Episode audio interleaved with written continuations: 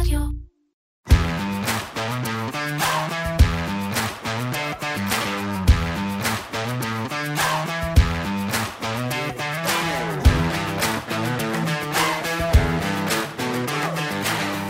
המחירים בסין יורדים. כן, כן, לא רק עולים פחות, או נשארים ללא שינוי, אלא ממש ממש יורדים. והמונח מהעבר, שנקרא דיפלציה, חוזר לחיינו. והטריטוריה הזו של דיפלציה בסין מציירת תמונה אפורה סביב הכלכלה. זו טריטוריה בה היצוא בירידה חדה מאוד, אבטלת הצעירים בסין נוסקת, ושוק הדיור בצניחה. וכעת, השאלה המרכזית היא, מה זה יעשה לשאר הכלכלות בעולם? האם העובדה כי המחירים בסין יורדים תעזור לבנקים המרכזיים להילחם באינפלציה, או שהמשבר הזה בסין יחלחל גם לעולם המערבי? ועל כך בעיקר נדבר היום בפרק נוסף של פודקאסט מנועי הכסף של כלכליסט, עם הכלכלן והאסטרטג הראשי של פסגות, אורי גרינפלד. אהלן אורי. אהלן שי. אני שי סלינס, אבל כאמור זה לא יהיה הדבר היחיד שנדבר, אנחנו נדבר גם על uh, uh, הנתונים אחרים לגמרי, קשורים גם באינפלציה, אבל אינפלציה, uh, איך אמרת לי לפני השידור? אינפלציה שהגיעה ליעד. משהו כזה. כן. בארצות הברית אנחנו כמובן עכשיו, מדברים. עכשיו אפשר לדבר באמת על האינפלציה בארצות הברית, בלי הפרעות ובלי מחירי האנרגיה, ויש הטיות לפה והטיות לשם. זהו, הגענו באמת למדידה האמיתית של, ה... של האינפלציה, ויהיה מעניין. כן, נרחיב על זה בהמשך, בהחלט מעניין. אה, טוב, בוא, בוא, בוא, בוא, בוא נתחיל לדבר על סין, אבל אתה יודע מה, לפני זה יש לי איזה, יש לי שאלה כללית על uh, סין. אתה יודע, uh, uh, יש הרבה נתונים, הרבה דאטה שאנחנו יכולים לאסוף מארצות הברית וכל הנתונים שמתפרסמים, ואז אנחנו יכולים לנתח. האם בסין בכלל, כמישהו שכבר בתחום האנליזה, אני לא יודע כמה, 40 שנה? כמה אתה כבר... כמעט. אוקיי. יש לנו מספיק data שאנחנו מקבלים מסין כדי לנתח מה יהיה בכלל? וואי, זו שאלה שכל כך הרבה פעמים נשאלתי, אה, לא רק האם יש לנו מספיק data, אם בכלל אפשר לסמוך על ה data שמגיע מסין. אז אומרים שהאינפלציה היא כזו וכזו. אז מה, אז הם יגידו מה שהם רוצים. התשובה האמת שהיא, לא יודע אם היא מפתיעה, אבל היא שהדאטה שמגיע מסין ברובו מוחלט הוא טוב, הוא לא מוטה, והממשל הסיני כנראה שלא עושה יותר מדי מניפולציות בדאטה. תכף אני נדבר על איפה כן עושים מניפולציות. אה, והדרך שבה, או הסיבה שבגינה אני טוען את זה, וכאילו מגן על, הממשל הסיני, אה, זה שיש דברים שאתה יכול לבדוק. למשל, כל נושא הייצוא יבוא הרי אתה יכול לבדוק. אם הסינים אומרים שהם ייצאו, אה, ייצאו בשווי של איקס מיליארדי דולרים לארצות הברית, אז אתה פשוט צריך לבדוק את נתוני היבוא של ארצות הברית מסין. זה כן. אמור להיות בדיוק אותו מספר. ופה אי אפשר לרמות, וזה חלק גדול מהתוצר הסיני, אז אי אפשר לרמות פה. מעבר לזה, הייתה תקופה, בתקופה שסין צמחה בקצב מהיר, שהרבה חברות, סטארט-אפים, אפילו נגיד בלומברג, שהם גוף גדול שאוסף מידע, אה, ניסו לייצר כל מיני מדדים אלטרנטיביים כאלה כדי לבחון את הפעילות הכלכלית בסין. אני אתן את הדוגמה של בלומברג, שהיא דוגמה נהדרת. מה שהם עשו, הם בעצם שיתפו פעולה עם חברת לוויינים, ועקבו אחרי כמות האור שיוצאת מהמפעלים בסין בלילה. אוקיי. Okay. ובנו בעצם מדד שבוחן כמה מפעלים עובדים לפי כמות האור שיוצאת, והראו שיש קורלציה מאוד גבוהה בין הנתונים האלה לבין הנתונים שבסוף סין מפרסמת של הייצור התעשייתי. זאת הייתה טענה שוואלה, סין יכולה לרשום שהייצור התעשייתי גדל ב-8% נגיד באיזושהי שנה, ואתה יכול להגיד שאולי זה נכון, אולי זה לא.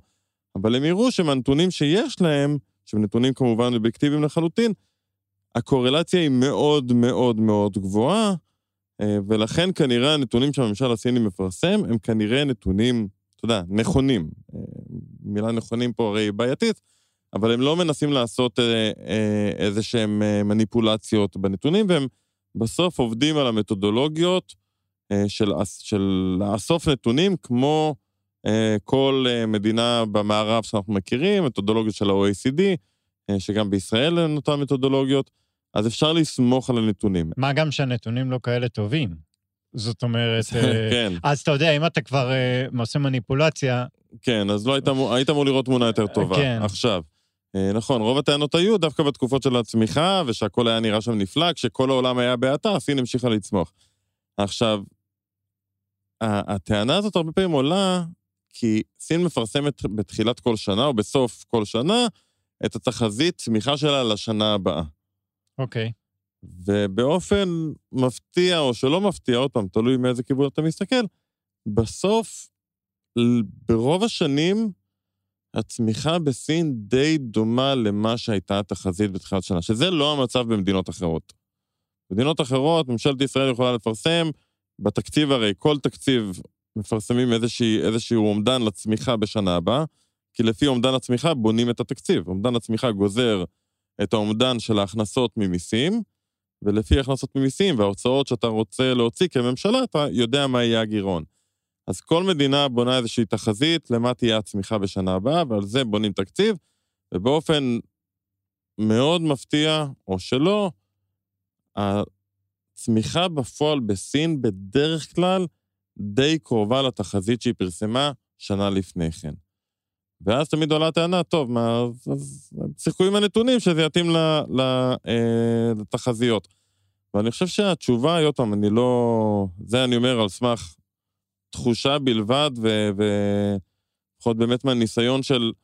ניסיון להבין איך הממשל שם עובד, זה לא שהם ממציאים את המספרים כדי שיתאימו לתחזית, זה שהם מנהלים את הכלכלה כדי שהיא תתאים לתחזית. זאת אומרת, יכול להיות שבלא מעט מקרים, וראינו את זה קורה הרבה, שדווקא אפילו אם המצב בסין טוב יותר מהצפוי, אז הממשל שם עובד כדי טיפה לקרר את הכלכלה. כן. ולהחזיר אותה לתוואי הרב-שנתי, וגם אם זה אומר שהשנה הצמיחה תהיה פחות ממה שהיא יכלה להיות. אומר למפעלים לסגור טיפה את האור? כן, בגדול כן. או, או מוציא פחות כסף, נגיד מקטין את ההוצאות הממשלתיות, או מעלה מיסים, או מקטין את, ה, את שוק האשראי. צריך לזכור, הבנק המרכזי הסיני הוא לא עצמאי. הוא בסוף מקבל הוראות מהממשל, ויכול להיות שבתקופה מסוימת הממשל אומר, אוקיי, תעלה נגיד את יחס הרזרבה, מה שאומר שהבנקים יכולים להוציא פחות אשראי, ואז קדימה יש לנו צמיחה יותר איטית. אז אני חושב שהמשחק בא במקומות האלה, זאת אומרת, זו כלכלה שהיא מאוד מנוהלת, ואפשר להתווכח אם זה טוב או לא טוב, יש בזה יתרונות ויש בזה חסרונות, אבל זו הסיבה שבסוף הם כן די קרובים ליעדים שלהם. כן. ואז בוא נגיע לנתונים של היום, עם, נ... עם כל הרצון כן. להיות קרובים ליעדים, הם מאוד רחוקים מהיעדים. כן. ובאמת, כמו שאמרת, סין גלשה לדפלציה. דפלציה זה במצב שבו המחירים יורדים אה, בחישוב שנתי, אה, בחודש יולי 23 לעומת יולי 22, מדד המחירים לצרכן בסין ירד ב-0.3 אחוזים, שזה אה, משהו שהוא מאוד משמעותי. בטח, אגב, למדינה... 12 חודשים אנחנו מדברים? כן. אוקיי. האמת שאפילו אם אתה מסתכל על אה, מדד המחירים ליצרן, זאת אומרת, מה, מה קורה למחירים בצד של היצרנים, שבסוף זה מתגלגל גם לצרכן, אז זה כבר חודש עשירי ברציפות שהמחירים שהיצרנים רואים הם בירידה. ואנחנו רואים שם ירידה של 12 חודשים של 4.4 אחוז. יש פה דפלציה משמעותית בצד של היצרן, וסביר להניח שזה ימשיך להתגלגל לצרכן, זאת אומרת, נמשיך לראות את, ה, את האינפלציה בסין נשארת במגמה שלילית, נשארת בטריטוריה שלילית, אה, וזה משהו שהוא שונה לגמרי ממה שהכרנו במערב, כי במערב, בכמעט כל מדינה, כשיצאו מהקורונה, בוא נזכיר, סין לא מזמן בעצם שחררה את המגבלות קורונה שלה.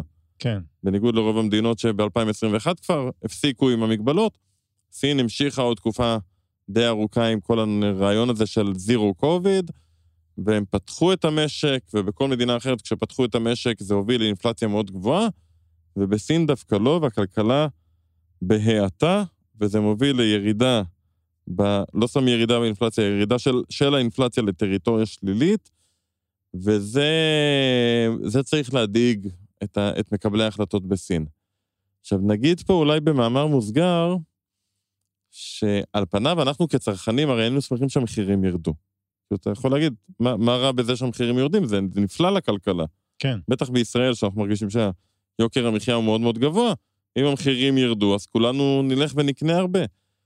אה, ויש פה באמת שאלה של יוקר המחיה, זאת אומרת, מאיזה רמה אתה מגיע, אבל בעיניים של מקבלי ההחלטות, תהליך של ירידת מחירים לטווח שהוא לא קצר, הוא בעייתי, כי בעצם האינפלציה מייצרת גם ציפיות אינפלציה. אם אתה מניח, אם יש לך סיבה להניח ולצפות לכך שהמחירים בשנה הבאה ימשיכו לרדת, סביר להניח שאתה תדחה חלק מהצריכה שלך. אם אני אגיד לך ש... בוא, אל תקנה עכשיו דירה, כי בעוד חצי שנה המחירים ירדו ב-7 אחוזים. אני אחכה עוד חצי שנה. בדיוק, אז אף אחד לא יקנה דירות, אותו דבר עם רכבים, וכן הלאה. אה, ואז עצם זה שאנשים דוחים את הצריכה שלהם, זה לבד מוביל למיתון, והמיתון מוביל לעוד ירידת מחירים, וזה סוג, כמו שאינפלציה היא בעייתית כשהיא נכנסת לאיזושהי ספירלה בעלייה שלה, היא גם בעייתית כשהיא נכנסת לספירלה בירידה. ופה זה כבר מאוד באמת רגיש, אני תזכור, אתה זוכר שבישראל היו כמה שנים של ירידת מחירים. כן. ולא לא נוצרה מזה שום בעיה כלכלית, כי זה באמת המון פעמים שאלה, איפה המחירים יורדים? אם זה מחירים של דירות, אז כן, אתה תדחה את הקנייה.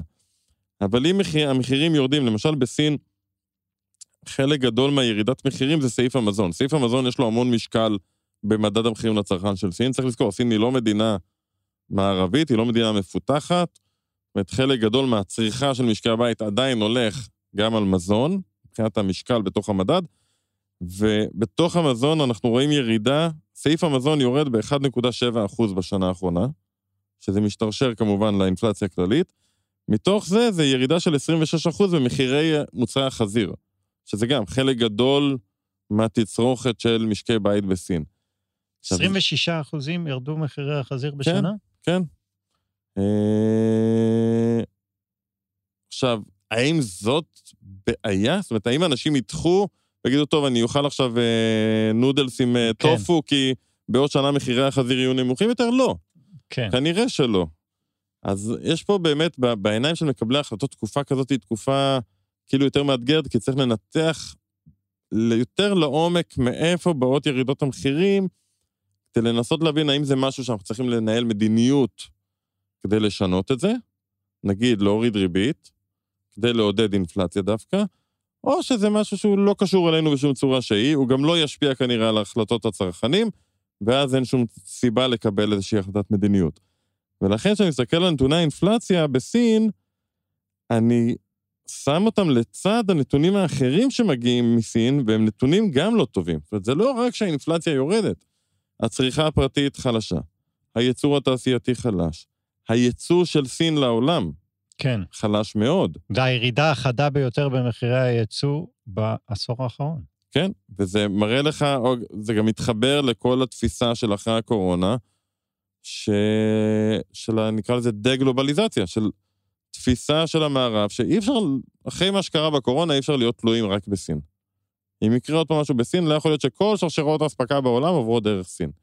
אז נכון שזה לא קורה ביום אחד, אבל לאט לאט אתה רואה פחות ופחות אה, אה, ביקוש בעצם מהייצוא הסיני, אתה רואה את האמריקאים במלחמת סחר יותר חמורה ממה שראינו אפילו בתקופה של טראמפ מול סין, עם החרמות ומגבלות, וסין עושה מגבלות על ייצוא של אה, מתכות נדירות, והאמריקאים עושים מגבלות על כל מיני חברות סיניות. כנראה אם, אם נקליט פרק בעוד חמש שנים, אנחנו נוכל לדבר על זה שהיה מעבר של המערב מתלות בייצוא סיני לתלות במדינות נוספות, או אפילו ייצור מקומי. זאת אומרת, זה לא חייב שהכל יחזור להיות מיוצר בארצות הברית, אפשר פשוט לפזר את זה בין סין למדינות אחרות בדרום-מזרח הודו, אה, בדרום-מזרח אה, אסיה, אה, וזה תהליך שישפיע על סין לטווח ארוך. אז, אז רגע, לפני שנתחיל לדבר על ההשפעה באמת יותר על העולם, אז יכול להיות שאין בכלל קשר לקורונה? זאת אומרת שזה תהליך שקרה, כמו שאתה אומר, מהדה-גלובליזציה העולמית? קודם כל, הדה-גלובליזציה היא תוצאה של הקורונה. אוקיי. בקורונה, אם אתה זוכר, בתחילת הקורונה, לא היו מוצרים, לא היו שבבים. כן. כולנו חיפשנו מצלמת רשת ולא לא השגנו. אה, בדיוק הפלייסטיישן 3 יצא, אה, 3 אני אומר, 5. חמש. פלייסטיישן 5 יצא, וכל מי שיש לו טינאייג'ר בבית זוכר את התקופה הזאת בבכי. אה, איפה משיגים, איפה משיגים, ולא היה להשיג. אה, הייתה תקופה, בגלל שרוב שרשרות האספקה בעולם בסוף עובר- עוברות דרך סין, היה מצב ש... אני מדבר עוד לפני שהקורונה הגיעה אלינו. נובמבר, דצמבר, ינואר 20. זאת אומרת, סוף 2019, תחילת 2020, פתאום יש מחסור עולמי בהמון מוצרים. כן. כי סין בעצם ננעלה. אה, ולזה משהו שאני חושב שרוב המדינות בעולם הבינו כתוצאה מזה, שחייבים להתחיל לפזר את שרשרות האספקה, וזה בסוף ישפיע על סין. עכשיו, על זה תוסיף את הבעיות הפנימיות של סין, שעוד לא דיברנו עליהן, זאת אומרת, דיברנו עליהן לא מעט בפרקים קודמים, אבל אי אפשר להתעלם מהן. סין בבעיה כלכלית בלי קשר לקורונה. נכנסה לקורונה, יצאה מהקורונה. בסין יש בועת אשראי שמנופחת כבר יותר מעשור, והממשל בסין מנסה כל הזמן לחפש את הדרכים וללכת בין הטיפות, מצד אחד לא לפוצץ את הבועה, כי פיצוץ של בועת האשראי בסין, בועת נדל"ן, שנולדה כבועת נדל"ן, שהיא יותר חמורה כנראה בהשלכות שלה מאפילו מהבועת נדל"ן שהייתה בארצות הברית ב-2006-2007, שהובילה למשבר הגדול של 2008. אה, מדברים היום, יש הערכות שיש 100 מיליון בתים ריקים בסין. 100 מיליון יחידות דיור שאף אחד לא גר. עכשיו, אפילו לסין זה הרבה 100 מיליון. כן, זהו. זה המון. וזה... שוק הנדל"ן הסיני הוא השוק עם ה... כאסט קלאס, הוא השוק, עם הש... הוא השוק עם השווי הכי גדול בעולם. יותר מכל שוק המניות האמריקאי. כן. והוא מנופח, בהגדרה הוא מנופח. הממשל מנסה למצוא את הדרך מצד אחד לא לפוצץ את הבועה, כי זה יוביל לקריסה של כל המערכת הפיננסית בסין, שגם ככה לא במצב טוב, עם חובות מאוד גבוהים, ואז הקריסה הזאת תכריח את הממשל או לנסות להציל, או שהם ייכנסו למיתון מאוד מאוד עמוק. מצד שני, אגב, בכל מדינה אחרת זה מה שהיה קורה. לסינים יש, אני אומר במרכאות מזל, כי הממשל יכול כל הזמן לנטר מה שקורה בכל בנק, לא, לא יהיו שם מצבים כמו שהיו בארצות הברית ב-2008, שבה הממשל פתאום מופתע מזה ש Bear Stearns אה, פושט רגל. זה, זה לא יכול לקרות בסין. מצד שני, העלות של לנהל את זה כל הזמן ולהוציא אוויר לאט מהבועה כדי שהיא לא תתפוצץ, העלות של זה היא חוסר יכולת ל- לצמוח בקצבים מהירים, כי כל הזמן אתה מטפל בבעיות וכל הזמן אתה בעצם דואג לזה שהכלכלה לא תתנפח יותר מדי. ואני חושב שזה משהו שילווה את סין בשנים הבאות. זאת אומרת, זה תהליך שהוא ארוך טווח. אז הם יעשו, הם כל הזמן נעים ונדים בין תמיכה, ואני מניח שאנחנו נראה בשבועות הקרובים, לאור הנתונים האחרונים שיצאו, או את הממשל מתחיל עם איזושהי תוכנית, מה שנקרא פיסקלית, זאת אומרת, הפחתות מיסים, הרחבות תקציביות, אה, אה, אה, העברות לחלק מהאוכלוסיות, למצוא דרך להעביר לאנשים כסף, או שנראה תוכנית מוניטרית של בעצם הפחתת ריבית, או הורדת יחס רזרבה, או אפשרות לקחת יותר אשראי, הקלה על משכנתאות, כל מיני דברים כאלו, כדי לעודד עוד פעם אנשים לצרוך ו- ו- ולשפר את המצב.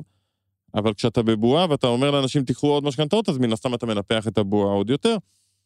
אז כל הזמן, הם מנסים בעצם ככה ל- לאזן את הנדנדה הזאת בין בועת אשראי לבין האטה כלכלית. זה כנראה המקום היחיד בעולם שיכול להתנהל ככה, אבל יש לזה עלויות, והעלויות הן שהצמיחה בסין בשנים הבאות תהיה כנראה נמוכה משמעותית ממה שהתרגלנו בשנים שלפני הקורונה. סין היינו רגילים צומחת בקצב ממוצע של נאמר חמישה וחצי, שישה אחוזים בשנה, שזה קצב מאוד יפה. אני חושב שאם מסתכלים חמש שנים קדימה, קצב הצמיחה הממוצע בסין יהיה כנראה יותר קרוב לארבעה, ארבעה וחצי אחוזים, ולזה בהגדרה יש השלכות על כל העולם. כן. סין היא הכלכלה השנייה בגודלה בעולם, והיא כמובן מייצרת ביקושים לכל העולם, ואם סין תצמח בקצב של 4-4.5 אחוזים, אז גם הביקושים למוצרים ושירותים שמגיעים ממדינות מערביות אה, יהיה נמוך יותר, כן. וזה כמובן ישפיע. אבל אה, אם אנחנו נסתכל על בנקים מרכזיים בעולם, ואני לא מדבר רק על ארצות הברית, יכול להיות שיושבים שם ואומרים, אה, זה יעזור לי עכשיו להוריד את האינפלציה. יש לי אינפלציה מטורפת, עכשיו כל מה שאני קונה מסין, יהיה לי יותר זול. זה טיפה עוזר, לא? כן.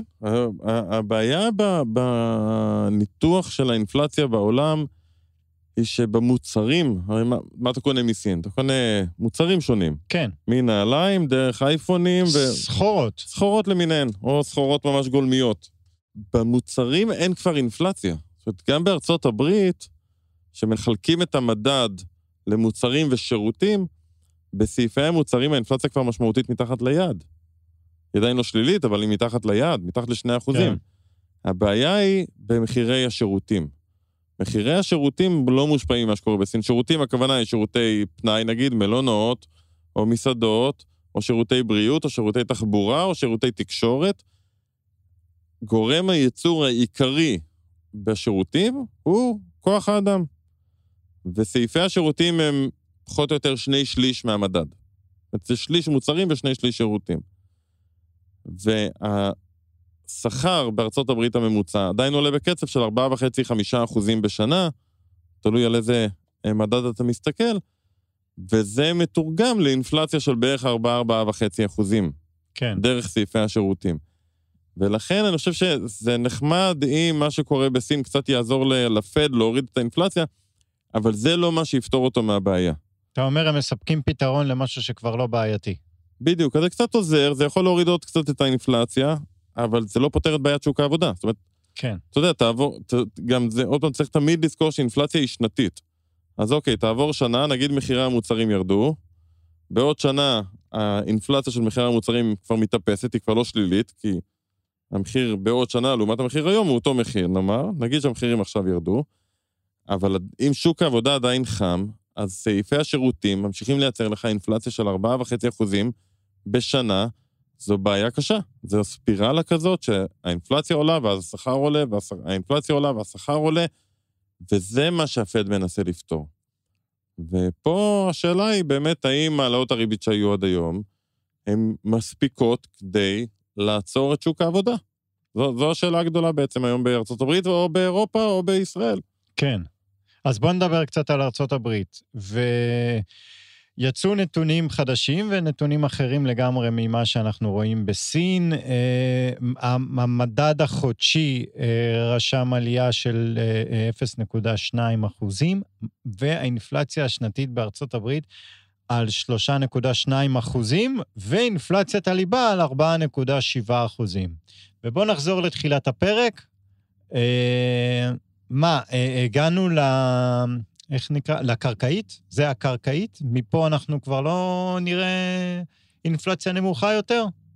אלא אם כן שוק העבודה יתחיל באמת להגיב להעלאות הריבית. זו השאלה שמלווה היום, אה, אני חושב, כל אחד שיושב בפד, זה מה שהוא שואל את עצמו, אה, או בבנק ישראל או בבנק המרכזי האירופי.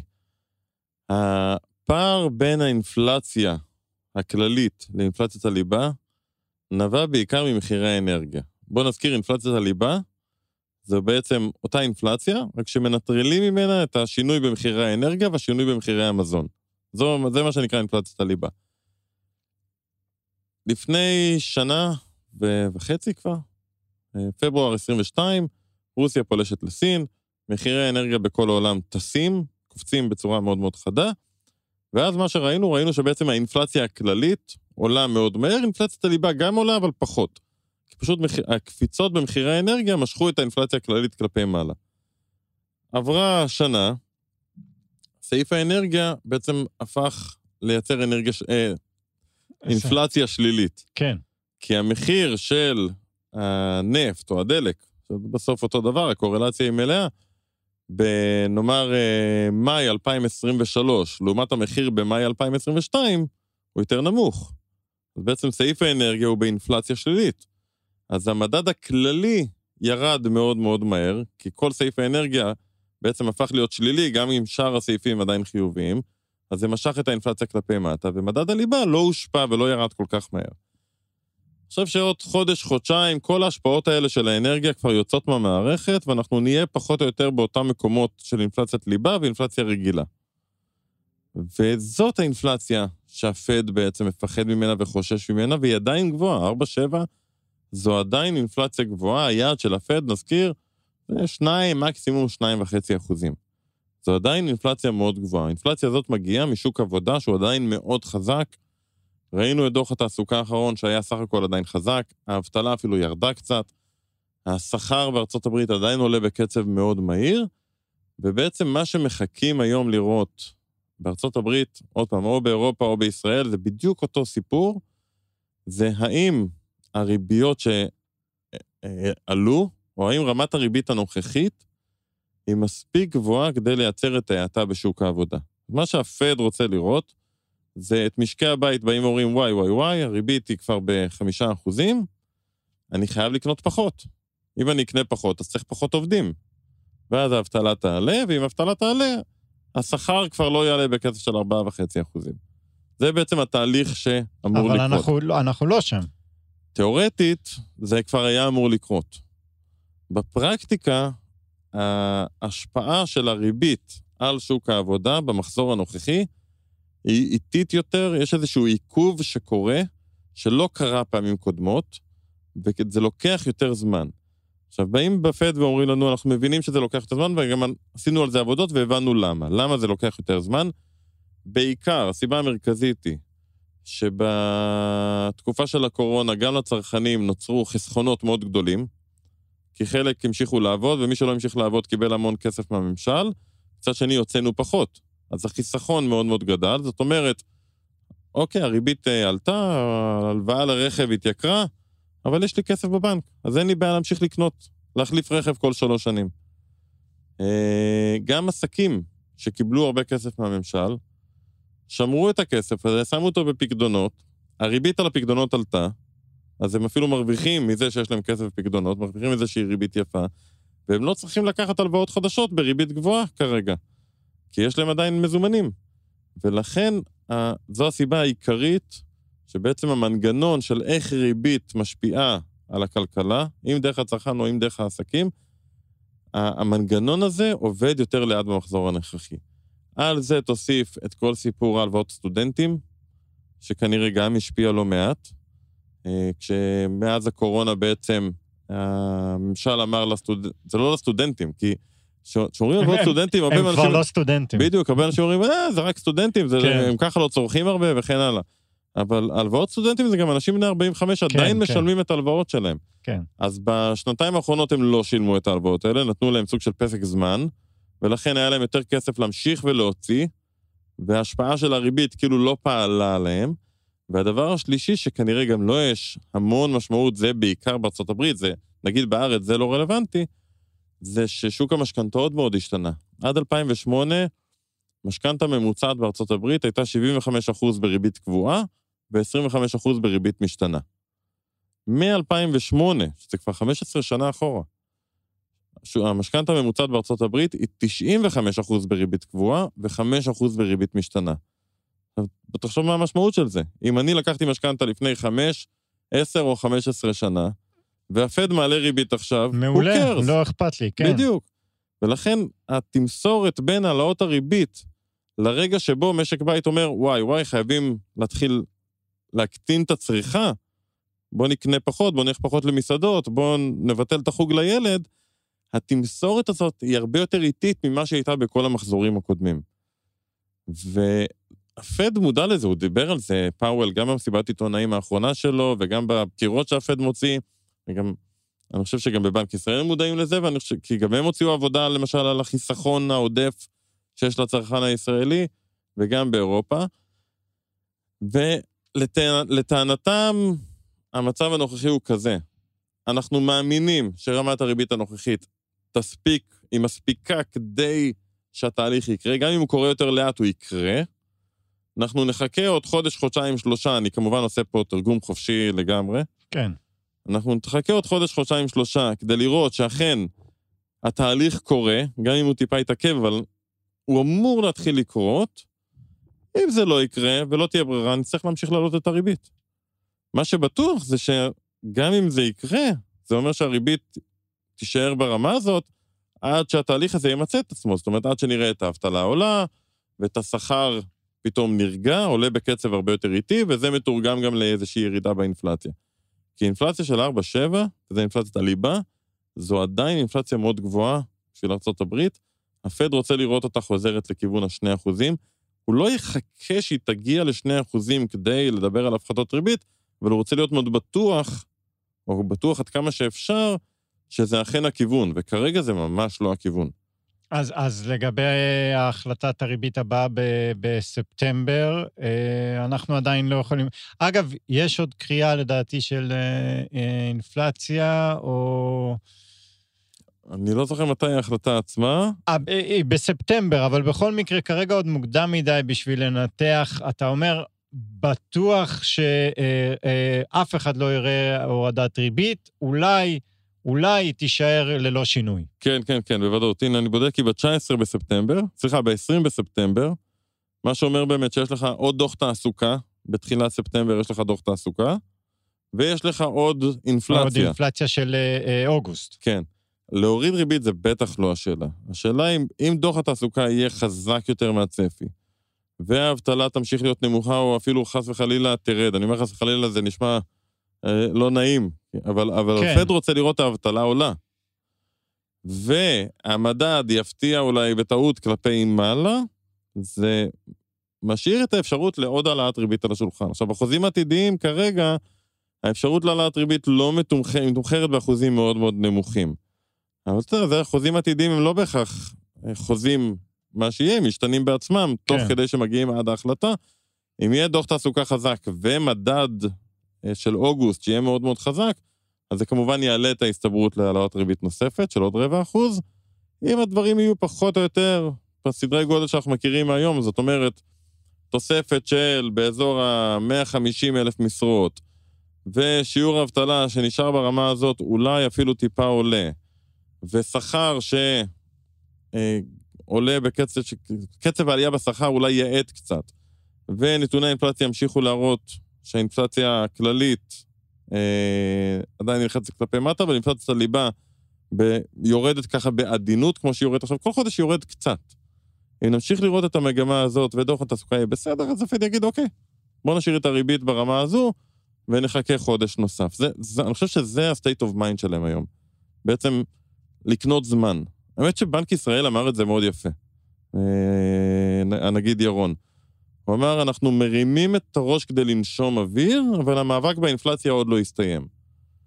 אנחנו שנייה נשום, כל עוד אפשר, אנחנו נהיה רגועים, נשאיר את הריבית ככה. אם נראה שעוד פעם האינפלציה קופצת עלינו, אז לא תהיה ברירה, נצטרך להעלות את הריבית פעם נוספת. אבל המטרה שלהם, אני חושב היום, זה לא להעלות ריבית, כל עוד אפשר, להשאיר אותה ברמה הזאת, לחכות ולראות את ההשפעה של הרמה הזו של הריבית על הכלכלה ועל שוק העבודה. אוקיי, עד כאן החלק הזה, נעבור לחלק האחרון של הדבר המוטרף שקרה השבוע, ואולי לא שמתם אליו לב. אמ, אתה יודע מה? אני אתחיל. תראה, אה, לביל גייטס יש פודקאסט חדש. אה, כן, כן, יש לו כבר, הוא הקליט את הפרק הראשון לפני משהו כמו עשרה ימים, עם אה, כבר שלושה מיליון אנשים שמעו. הוא נקרא Unconfuse Me, ובפרק הראשון הוא אירח את סט רוגן ואת אשתו, מילר רוגן, לורן מילר רוגן. והם נשואים כבר עשור, והפרק, מסתבר שביל גייטס, אה, אולי אני מספר פה דברים שאנשים יודעים, אבל הוא אה, לאחרונה חוקר את המוח. אה, ורוב הפרק הם דיברו על אה, אלצהיימר. כן, הם תורמים המון למחקר באלצהיימר. כן. מי שלא ראה את, אה, איך הוא קורא לזה? צ'... וואי, שכחתי את השם. יש איזה special של סת' רוגן, charity... כן, כן, זה... זה אני מיד מחפש את השם. לא, הם דיברו על זה. אגב... שזה קורע. זה כן. שעה מצחיקה מאוד. כן, הם דיברו, ודרך אגב, החדשות הטובות הן שביל גייטס אמר שיש תרופות אה, אה, כבר חדשות שנמצאות בפיתוח, ולדעתו, בתחזית הטובה עוד חמש שנים הם כבר יהיו בשימוש וממש ממש עוזרות. מה הוא עוד אמר? הוא עוד אמר משהו מאוד מעניין, הוא דיבר על השינה. הוא אמר שכשהוא היה במייקרוסופט, אה, אה, הוא דיבר, אה, אה, כל הזמן הדיבור בין המנהלים ובין החברים שלו היה על השינה. מי שישן פחות, זה היה נחשב כאילו הוא עובד יותר. אה, והוא אמר שהיום הוא, הוא לגמרי אה, שינה את הפאזה והוא ישן, אה, ישן אה, משהו כמו שבע שעות בלילה. ויש מחקרים שמראים שממש, אה, אה, אתה יודע, אפשר לטפל במחלות של המוח, אה, כמו אלצהיימר, על ידי טיפול טוב יותר במוח. אמרו שם גם ש-40% מהתופעות של אלצהיימר או דמנציה יכולות להימנע אם היו מטפלים במוח בגילאים מוקדמים יותר. אז פודקאסט מאוד מומלץ. אגב, הם דיברו שם גם ב... סת' רוגן דיבר על זה שדיבר על weed. הוא דיבר שם שהוא מעשן אה, כל יום, והוא, ביל גייטס ככה חצי התחמק מהתשובה אם הוא מעשן, אבל אתה יכול להבין מהתשובה. הוא לא לקח לריאות. כן, שהוא לא לקח לריאות. וסט רוגן אומר, אה, הם דיברו, על, יש קשר לאלצהיימר עם וויד וזה, אז סט רוגן אומר, תקשיב, גם הוא וגם אשתו מעשנים כל יום, הוא אמר, מעולם לא יצא לי ללכת לרופא שהוא אמר לי, אה, תקשיב, יש מחקר חדש שמראה נזק אה, אה, לטווח ארוך עם הוויד. הוא אומר, פעם חש... פחדתי מזה, היום לא אכפת לי. אני אומר... או, או שהוא הלך והוא פשוט לא זוכר. יכול להיות. גם אפשרות. יכול להיות. הילריטי פו צ'אריטי. בדקתי רגע בגוגל, מי שלא ראה, מומלץ בחום, שעה מאוד מצחיקה, וגם היה איזשהו אירוע תרומה בעצם למלחמה באלצהיימר. אה, אני מצאתי נתונים, אתה מדי פעם מתפרסמים נתונים אה, משעשעים באתר סטטיסטה, נתונים שגרמו לי מצד אחד להתגאות, מצד שני מאוד מאוד הפתיעו אותי, על הערים בעולם שיש בהם הכי הרבה מסעדות צמחוניות per נפש. או, תל אביב. איזה מקום אנחנו? אה, גבוה מאוד, top five.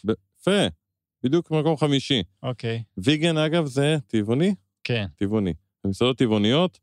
אה, במקומות הראשונים פוקט וצ'נג מאי, בתאילנד, אה, עם 40 ו-30 מסעדות טבעוניות על כל 100 אלף איש. אחרי זה יש לנו את אובוד, אני לא יודע אפילו אם אני אומר את זה נכון. אני חושב שזה בנפאל, אם אני לא טועה. אה, אחרי זה ליסבון. מפתיע. כן, ואז תל אביב. לפני ברייטון, לפני אמסטרדם, לפני פורטלנד, אורגון, המפורסמת בליברליות שלה. אה, תל אביב עם 8.9 מסעדות טבעוניות על כל 100 אלף איש. שלחתי את זה לחבר שהוא טבעוני, אמר לי, כן, אבל אל תשכח שגם בכל מסעדת המבורגרים היום יש המבורגר טבעוני. אז זה אפילו עוד יותר מזה. לא בארצות הברית.